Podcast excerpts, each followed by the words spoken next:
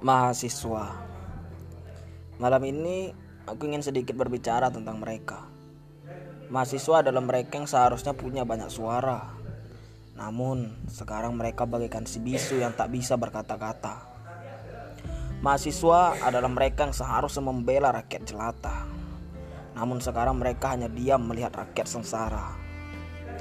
Mahasiswa adalah mereka yang seharusnya berdiri paling depan soal keadilan bagaikan raja.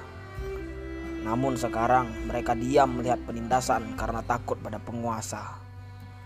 Mahasiswa sekarang hanya tinggal nama. Menjilat para penguasa karena ingin lulus aman dengan gelar sarjana. Jangan tersinggung jika ini benar temanku. Tapi perbaiki diri agar kata-kata ini menjadi omong kosongku.